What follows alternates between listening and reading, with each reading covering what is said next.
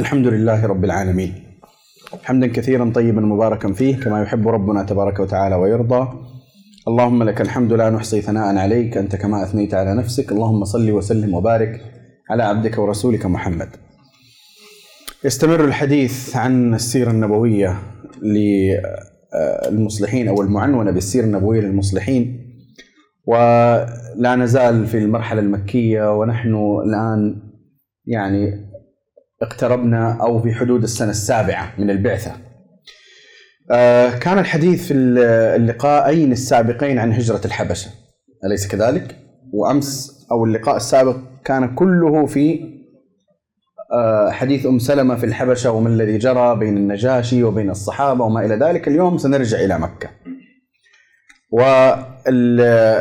والحديث اليوم عن حدث جديد وابتلاء جديد من الابتلاءات التي حصلت في وقت دعوة النبي صلى الله عليه وسلم. هذا الحدث هو كما يذكر الإمام الزهري رحمه الله ورضي عنه أن قريشا أرادت أن تقتل النبي صلى الله عليه وسلم وبدأت تتجه حين أفلست في كل شيء خلاص كل شيء لم يجدي بدأت تتوجه بثقلها لقتل النبي صلى الله عليه وسلم وأبو طالب الذي كان يدافع عن النبي صلى الله عليه وسلم كان قد استشعر أو نما إليه هذا الأمر. فقرر أن ينحاز إلى الشعب شعب بني هاشم. هذا شعب بني هاشم في جهة منطقة المسعى يعني إذا خرجت من المسعى في الأمام جهة الجبل. شعب بني هاشم.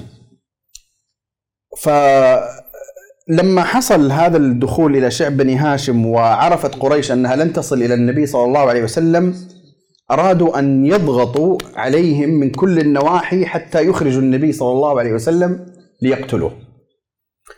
وهذا الذي عملته قريش عرف بحصار الشعب.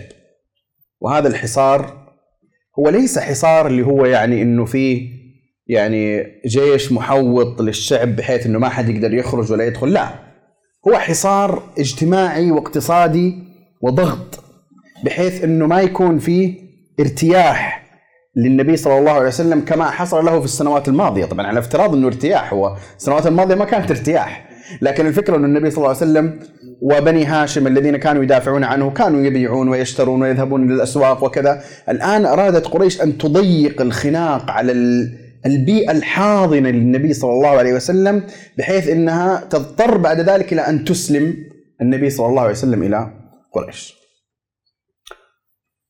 تقاسم رؤوس رؤوس قريش تقاسموا وتعاهدوا على الكفر كما من اللي وصف هذا الوصف؟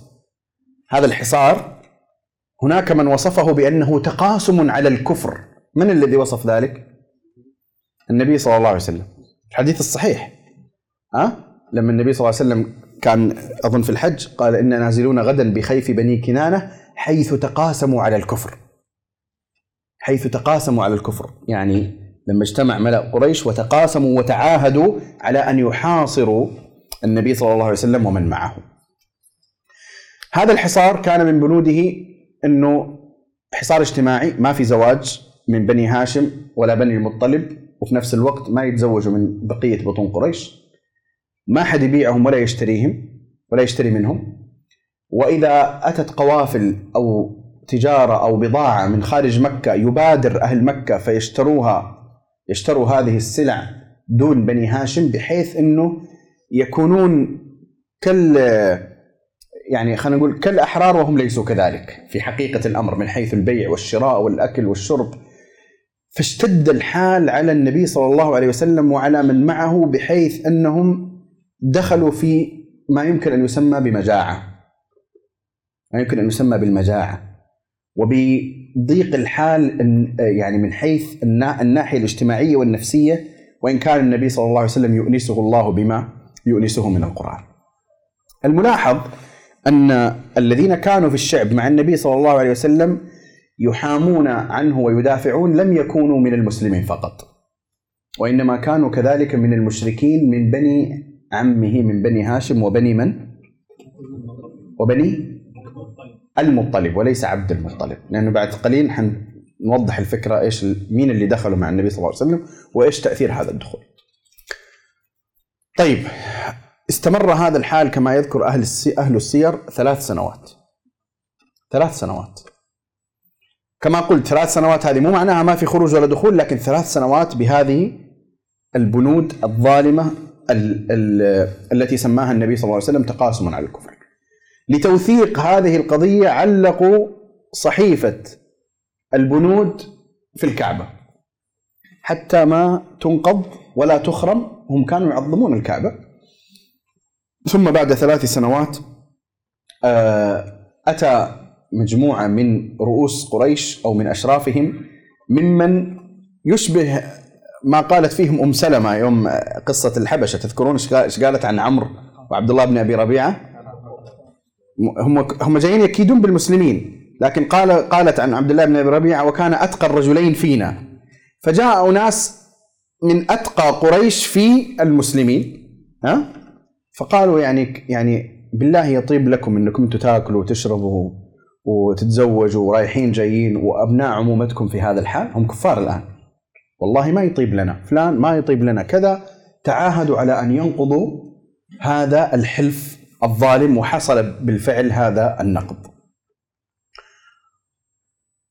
انتهى هذا الحصار بتدخل مجموعة من أشراف قريش الذين كانوا آه خلينا نقول أقل عداوة من بقية بطون قريش. تجاه النبي صلى الله عليه وسلم وتجاه بني هاشم. بعد ما خرج النبي صلى الله عليه وسلم ومن آه، معه من الشعب من هذا الحصار وكان هذا تقريبا في السنة العاشرة. لأنه إحنا قلنا إحنا بدينا من السنة السابعة للبعثة. السنة العاشرة للبعثة. السنة التي خرج فيها النبي صلى الله عليه وسلم ومن معه من الشعب توفي فيها أبو طالب. الذي كان يحامي عن النبي صلى الله عليه وسلم ويحوطه وكما قال ابن إسحاق حدب أبو طالب على ابن أخيه. ثم ما فتئ أو ما لبث أن تبع أبا طالب أو أن تبعت أبا طالب خديجة رضي الله تعالى عنها فتوفيت. في فترة قريبة وقصيرة وأبو طالب كان يشكل للنبي صلى الله عليه وسلم المؤازرة الخارجية وخديجة كانت تشكل للنبي صلى الله عليه وسلم المؤازرة الداخلية. فلما توفي أبو طالب وتوفيت خديجة كان تأثير هذا على النبي صلى الله عليه وسلم عظيما. ولأجل ذلك لقب أهل السير هذا العام بعام الحزن. ولا تظنوا أن النبي صلى الله عليه وسلم في هذا العام عام الحزن قد اعتزل وجلس في بيته وترك الدعوة إلى الله. لا. لم يترك شيئا مما أوجبه الله سبحانه وتعالى عليه. ولكن قريش قريش بعد وفاة أبي طالب ووفاة خديجة خاصة بعد وفاة أبي طالب تجرأت على النبي صلى الله عليه وسلم جرأة لم يكونوا ليتجرؤوا بمثلها قبل وفاة أبي طالب. تذكرون الأذى الفعلي اللي تكلمنا عنه؟ لما جاء وضعوا سل الجزور وخنق عقبه بن معيط خنق النبي صلى الله عليه وسلم خنقا شديدا وما إلى ذلك. الأحاديث التي ذكرتها لكم في البخاري من العلماء من يرى أنه هذه الأحداث الأذى الفعلي كان متى؟ بعد وفاة أبي طالب، ليس هناك دليل صريح على أنه هذا كان بعد وفاة أبي طالب لكن اجتهادا أنه يعني قريش كانت تؤذي النبي صلى الله عليه وسلم في نفسه في قول لكن ذاك الأذى الذي كان فيه الضرب والاعتداء الفعلي من العلماء من يرى أنه إنما كان متى؟ بعد وفاة أبي طالب. قبل أن ننتقل إلى أي حدث آخر دعونا الآن الآن ذكرت لكم هذا كله مجملا الآن دعونا نعود فنرجع بشكل تفصيلي ونأخذ الدروس والعبر جيد؟ طيب دعوني أطوي الصفحات قليلا وأنتقل إلى السنة السابعة للهجرة من متى إلى متى؟ من السنة السابعة للبعثة أريد أن أنتقل إلى السابعة للهجرة تمام يعني بعد كم؟ سبعة هناك ستة ولا كم؟ 13 سنة في السنة السابعة للهجرة كان في غزوة خيبر صحيح؟ لما جاءت غنائم خيبر أعطى النبي صلى الله عليه وسلم من الغنائم غير الجيش سهم في سهم ذوي القربى قرابة النبي صلى الله عليه وسلم أهل البيت لهم نصيب في ذلك فالنبي صلى الله عليه وسلم في غنائم خيبر أعطى بني الهاشم وبني المطلب ولم يعطي بني عبد شمس وبني نوفل وهم بنفس القرابة من النبي صلى الله عليه وسلم من قرابة بني طالب أو عفوا المطلبين المط... بني المطلب. الآن عشان نفهم فكرة النسب هذه ركزوا معايا. النبي صلى الله, صلى الله عليه وسلم اسمه محمد ابن عبد الله ابن ابن عبد المطلب ابن هاشم ابن عبد مناف. طيب الآن خامس عبد مناف. طيب عبد مناف هذا ابنه اللي في نسب النبي صلى الله عليه وسلم من؟ هاشم. هاشم عنده ثلاث أخوان تمام؟ المطلب تمام؟ و عبد شمس ونوفل وخلاص المطلب وعبد شمس ونوفل. المطلب وعبد شمس ونوفل ممتاز؟ كلهم أبناء من؟ عبد مناف. تمام. عبد شمس هذا مين منه؟ من المشهورين في قريش؟ بنو أمية كلهم من بني عبد شمس تمام؟ يعني شوف ترى بني أمية قرابتهم من النبي صلى الله عليه وسلم قريبة. هم أبناء عبد مناف أبناء عبد شمس بن عبد مناف. تمام؟ طيب وبنو نوفل هؤلاء منهم المطعم بن عدي اللي أجار النبي صلى الله عليه وسلم وجبير بن مطعم. تمام؟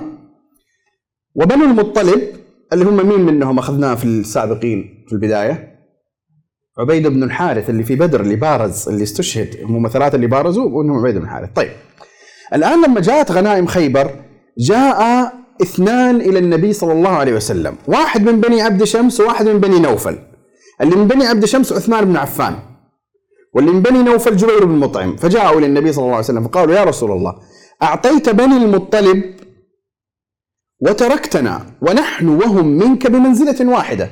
ما قالوا له أعطيت بني هاشم لأنه بني هاشم إيش؟ هم اللي منهم النبي صلى الله عليه وسلم ما قالوا شيء.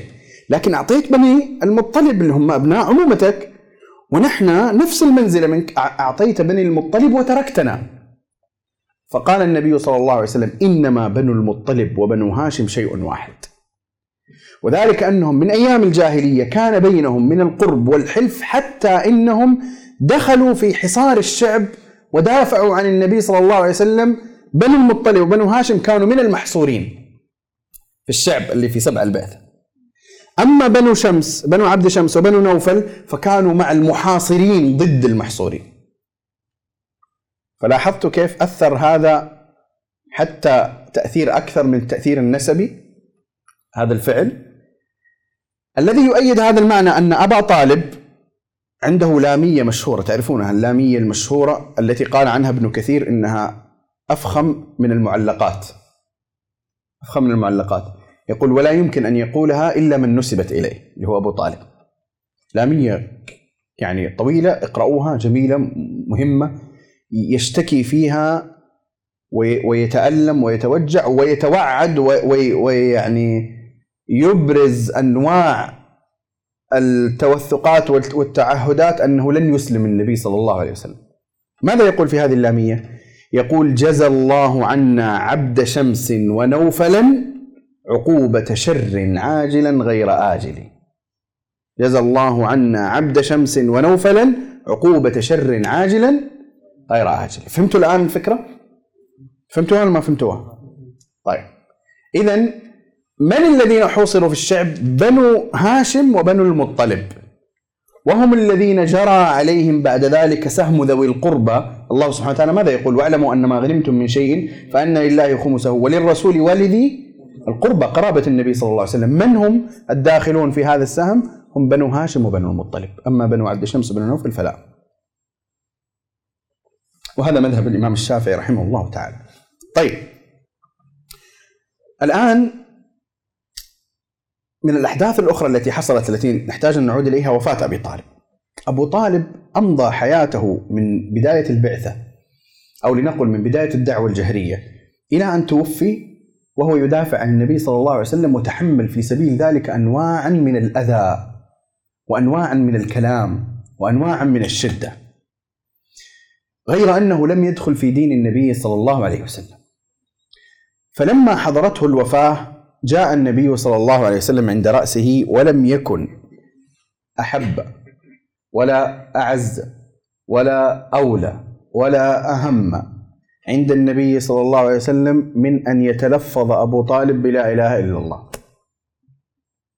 يعني النبي صلى الله عليه وسلم لم يكن عنده شيء في تلك في تلك اللحظة أولى ولا أحب إليه من أن يقول لا إله إلا الله. فلما حضرت أبا طالب الوفاة جاء النبي صلى الله عليه وسلم عنده فجلس وعنده أبو جهل وعبد الله بن أبي أمية أظن. فقال النبي صلى الله عليه وسلم وأبو طالب قريب من الموت يا عم قل لا إله إلا الله كلمة أحاج لك بها عند الله. يعني أنت يا أبا طالب ما أسلمت قبل كذا. ما صليت ولا ولا فعلت ما يفعل المسلمون كل السنوات هذه. الآن أنت حضرك الموت. بس قل هذه الكلمة. إذا قلت إذا قلتها أحاج لك بها عند الله. وبجواره أبو جهل وعبد الله بن أبي أمية يقولان لأبي طالب أترغب عن ملة عبد المطلب؟ أترغب عن ملة عبد المطلب؟ شوف ما قالوا له تترك مدري اللات والعزى لا أتوه للعرق. وللعصب وللجنب اللي يوجعه الجنب اللي يوجعه إيش هو؟ نسب والقبيلة وأبوك وابن المطلب والآباء وابن عبد المطلب أترغب عن ملة عبد المطلب؟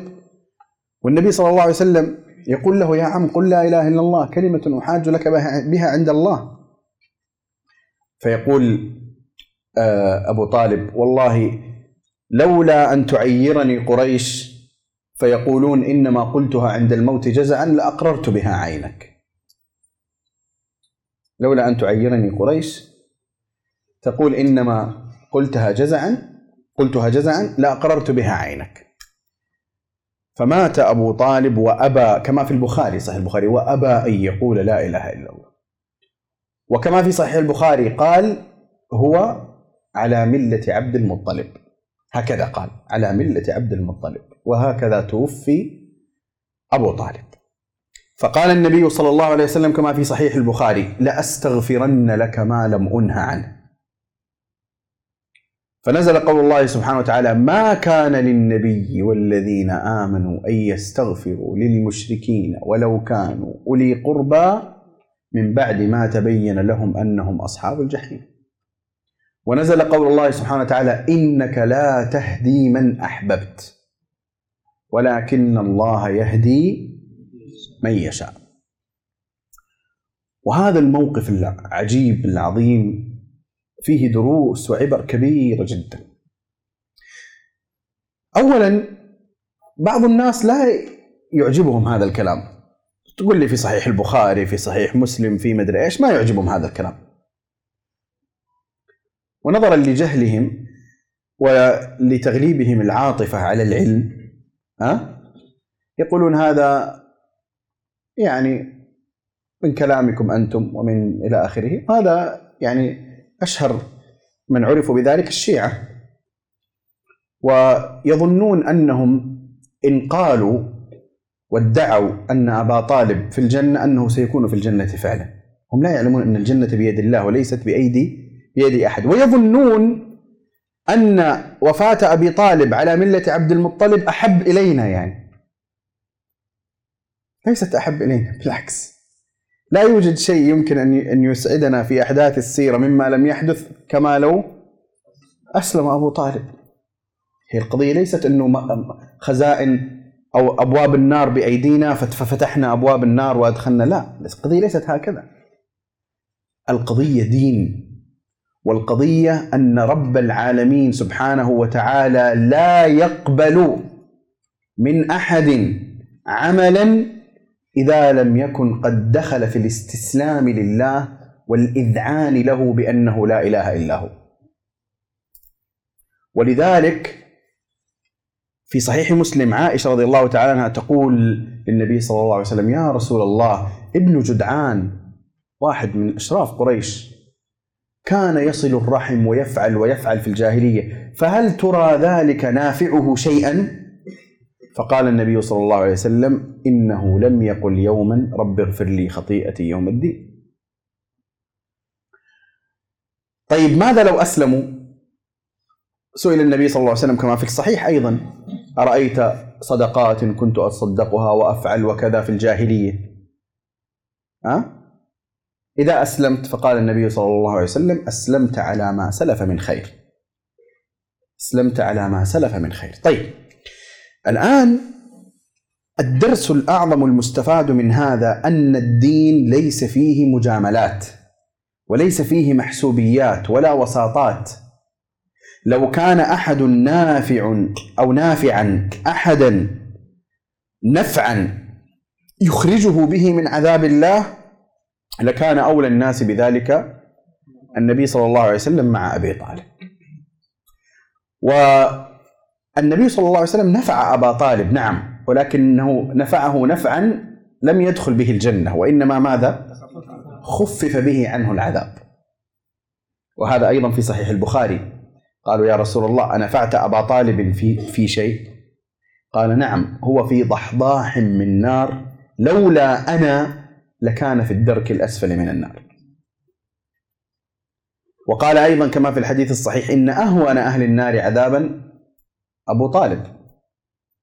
وذكر النبي صلى الله عليه وسلم من العذاب الذي هو في أهون الدرجات ما ما يكون كافيا لأن يفر الإنسان منه فرارا شديدا. وثبت في صحيح البخاري أيضا عن النبي صلى الله عليه وسلم أنه قال إن الجنة لا يدخلها إلا نفس مسلمة. لا يدخلها إلا نفس مسلمة. لذلك أعظم نعمة أعظم نعمة يستمسك بها الإنسان ويدركها الإنسان هي لا إله إلا الله. هذه لا إله إلا الله التي نقولها صباح مساء كثير منا لا يدرك قيمة هذه الكلمة ومقدار ومقدار هذه الكلمة عند الله سبحانه وتعالى. ولذلك من لا يهتم بهذه النعمة ولا يحتفي بها ولا يشكر الخالق سبحانه وتعالى عليها فهو مغبون مغبون خاسر. قال الله سبحانه وتعالى وكذلك فتنا بعضهم ببعض ليقولوا أهؤلاء من الله عليهم من بيننا؟ أليس الله بأعلم بالشاكرين؟ قال بعض العلماء الشاكرون هنا الذين يعرفون يقدرون نعمة الإيمان فيشكرون الله عليها يمنون عليك أن أسلموا. قل لا تمنوا علي إسلامكم بل الله يمن عليكم أن هداكم للإيمان إن كنتم صادقين. إذا القول في أبي طالب ليس قولا عاطفيا وإنما قول عقيدة. وهذه العقيدة متعلقة بحق الله سبحانه وتعالى. وحق الله سبحانه وتعالى لا يتغاضى عنه بالنسب وبالعلاقة بالصالحين. لكن لو أن الإنسان أتى بالشرط الأساسي بعد ذلك قد تنفعه شفاعة من يشفع أو من يأذن الله لهم بالشفاعة يوم القيامة، اليس كذلك؟ ولذلك ثبت في الصحيح أيضا من وجوه أن هناك أو أن أناسا من أهل لا إله إلا الله ممن لم يرعوا حقها حق الرعاية يدخلهم الله النار. أه؟ ثم يأتي أناس من المؤمنين فيشفعون. يشفعون لأناس يعرفونهم. يقول يا يا ربي هؤلاء كانوا بيننا إخواننا نعرفهم يعرفونهم يعرفونهم بوجوههم ها؟ فيخرج فيخرجهم الله من النار. يخرج يخرج يخرج يخرج يخرج. حتى إذا انتهت شفاعة الشافعين. يقول الله سبحانه وتعالى وعزتي وجلالي وكبريائي وعظمتي لأخرجن منها من قال لا إله إلا الله. هذا أيضا في البخاري. لأخرجن منها من قال لا إله إلا الله. حتى لا يبقى في النار إلا من كان من أهل الخلود في النار. لذلك هذه القضية بالعكس تبرز عظمة هذا الدين. البعض يظن يتعامل مع موضوع أبي طالب يقول له يعني يعني كيف كذا؟ مو قضية كيف كذا بالعكس هذه القضية تبرز أن هذا الدين الحق الأول والأعظم فيه هو لله وليس لأحد آخر. الحق لله للخالق سبحانه وتعالى. هؤلاء الرسل الذين هم أشرف الخلق إنما هم إيش؟ رسل ومبلغون عن الله لكن المرسل هو الله. والذي أنزل هذه الكلمات والآيات هو الله. والذي أمر الرسل بأن يبلغوا هو الله. والرسل مأمورون أمرا مكلفون تكليفا بأن يبلغوا رسالات الله. فالقضية ليست عاطفية وإنما القضية قضية عقدية إيمانية عميقة الاتصال بحقائق الإسلام الكبرى. ثم بعد هذا كله يأتي الآن القول أنه ومع ذلك وهذه الآن جهة أخرى. جهة تبرز قيمة النبي صلى الله عليه وسلم ومكانه عند الله وفضل نصرة النبي صلى الله عليه وسلم. وأن أبا طالب مع أنه مشرك ومع أنه فرط في حق الله إلا أنه لأجل نصرته للنبي صلى الله عليه وسلم فقد خفف عنه العذاب. فهمتوا القضية من طرفيها؟ يعني طرفها الأول لأجل حق الله لم يدخل أبو طالب الجنة ولم يخرج من النار. ولأجل حق رسول الله صلى الله عليه وسلم وعظمة هذا الحق ومقدار ما فعل أبو طالب في نصرة النبي صلى الله عليه وسلم ومع كونه فرط في حق الله إلا أنه خفف عنه العذاب حتى صار أهون أهل النار عذابا. فكيف إذا أفنى الإنسان عمره في نصرة النبي صلى الله عليه وسلم وفي نصرة سنته ودينه وهو يقول لا إله إلا الله ويشهد بها ويكررها صباح مساء فليحسن الظن بالله أن يكون الجزاء عند الله سبحانه وتعالى عظيما. طيب. في هذه القصة من الدروس والعبر خطورة أثر من؟ أصدقاء السوء. يعني ما يحتاج تجيب يعني أبيات شعرية في خطر الصحبة الفاسدة وما يحتاج بس جيب قصة أبي طالب ما في مؤسس يعني الآن حتى لو ما كانوا لو ما كانوا موجودين ممكن ما دام إن أبا جهل وعبد الله بن أبي أمية كانا موجودين وهما اللذان اثرا أو دفعا بأبي طالب دفعا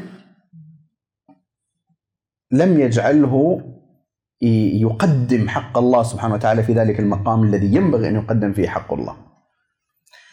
ولذلك الصحبه الفاسدة مخيفة. وقد قال الله سبحانه وتعالى: ويوم يعض الظالم على يديه. يقول يا ليتني اتخذت مع الرسول سبيلا يا ويلتى ليتني لم أتخذ فلانا خليلا. لقد أضلني عن الذكر بعد إذ جاءني وكان الشيطان للإنسان خذولا. لذلك احذر انتبه الصحبة الفاسدة كحامل الجليس السيء كحامل الكير. إما أن يحرق ثيابك وإما أن تجد منه ريحا خبيثة لذلك خاصة الشباب الذين يتربون حتى يكونوا مصلحين بإذن الله في المستقبل لا تساوموا ولا تجاملوا في موضوع الصحبة. اختر من الأصحاب من يوصلك إلى الله يا حسام. أنت والشباب اللي جنبك. اختر من الأصحاب من يوصلك إلى الله سبحانه وتعالى. لا من يبعدك عن الله سبحانه وتعالى أو يقطع عنك وعليك الطريق. طيب هذا الآن درس آخر مهم مستفاد من قضية من قصة من؟ أبي طالب. ثم بعد ذلك توفيت خديجة رضي الله تعالى عنها. ولم يزل النبي صلى الله عليه وسلم يتذكر أثره أثرها عليه ويتذكر قيمتها عنده ويتذكر تلك الليالي التي كان يجد النبي صلى الله عليه وسلم فيها أو يرجع فيها إلى البيت وقد سمع من المشركين ما سمع من أنواع الأذى والتكذيب والاتهام فكانت تؤازره وتمسح عنه و تخفف وتسري عنه ما يجد عليه صلاة الله وسلامه. ولذلك عائشة رضي الله تعالى عنها اللي تزوج النبي صلى الله عليه وسلم بعدها بعد عائشة تزوج النبي صلى الله عليه وسلم أغلب زوجاته أكثر زوجاته لأن عائشة تزوجها النبي صلى الله عليه وسلم مبكرا. ها؟ تعرفوا خديجة سوداء عائشة بعد عائشة كل الزوجات الباقية. تقول عائشة رضي الله تعالى عنها مع أن زوجات النبي صلى الله عليه وسلم كن أحياء إلا أنها قالت ما غرت ما غرت. من أحد غيرتي من خديجة. اللي تزوج مع أن النبي صلى الله عليه وسلم تزوج عائشة بعد ما ماتت خديجة. ما غرت من أحد غيرتي من خديجة. من كثرة ما كان النبي صلى الله عليه وسلم يذكرها بعد وفاته. من كثرة ما كان يذكر النبي صلى الله عليه وسلم خديجة. حتى إن عائشة رضي الله عنها من غيرتها قالت جملة يعني يعني ما تذكر من عجوز من عجائز قريش. تتكلم عن خديجة. يعني إيه تعرف خديجة أصلا كانت كبيرة في السن. فتقول النبي صلى الله عليه وسلم ما تذكر من عجوز من عجائز قريش. ها؟ تقول يعني خلاص يعني. والنبي صلى الله عليه وسلم ما كان يسكت عن ذكر خديجة. خديجة كان لها من الدور ما لم يكن لأحد من زوجات النبي صلى الله عليه وسلم. ولذلك استأذنت مرة هالة بنت خويلد على النبي صلى الله عليه وسلم بعد وفاة خديجة. هالة أخت من؟ خديجة. فتذكر النبي صلى الله عليه وسلم خديجة استئذان خديجة. قالت في الرواية في البخاري فارتاع لذلك عليه الصلاة والسلام. وقال اللهم هالة. يعني فاهم الفكرة؟ يعني كأنه تذكر خديجة وارتاع النبي صلى الله عليه وسلم لذلك لتلك الذكرى. خديجة كانت في ذاكرة النبي صلى الله عليه وسلم وكما في الحديث الصحيح كان النبي صلى الله عليه وسلم يتصدق بالصدقات ويبعثها إلى خلائل خديجة. صديقات خديجة يبعث بالصدقات إلى خليلات خديجة ذكرى لخديجة رضي الله تعالى عنها. و لخديجة لخديجة فضل لم ينله أحد من نساء النبي صلى الله عليه وسلم.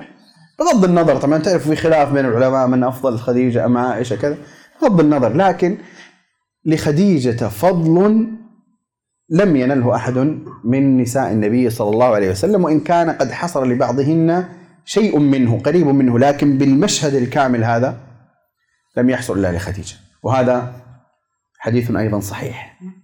في الصحيح قال النبي صلى الله عليه وسلم آه ذكر النبي صلى الله عليه وسلم أن جبريل جاءه.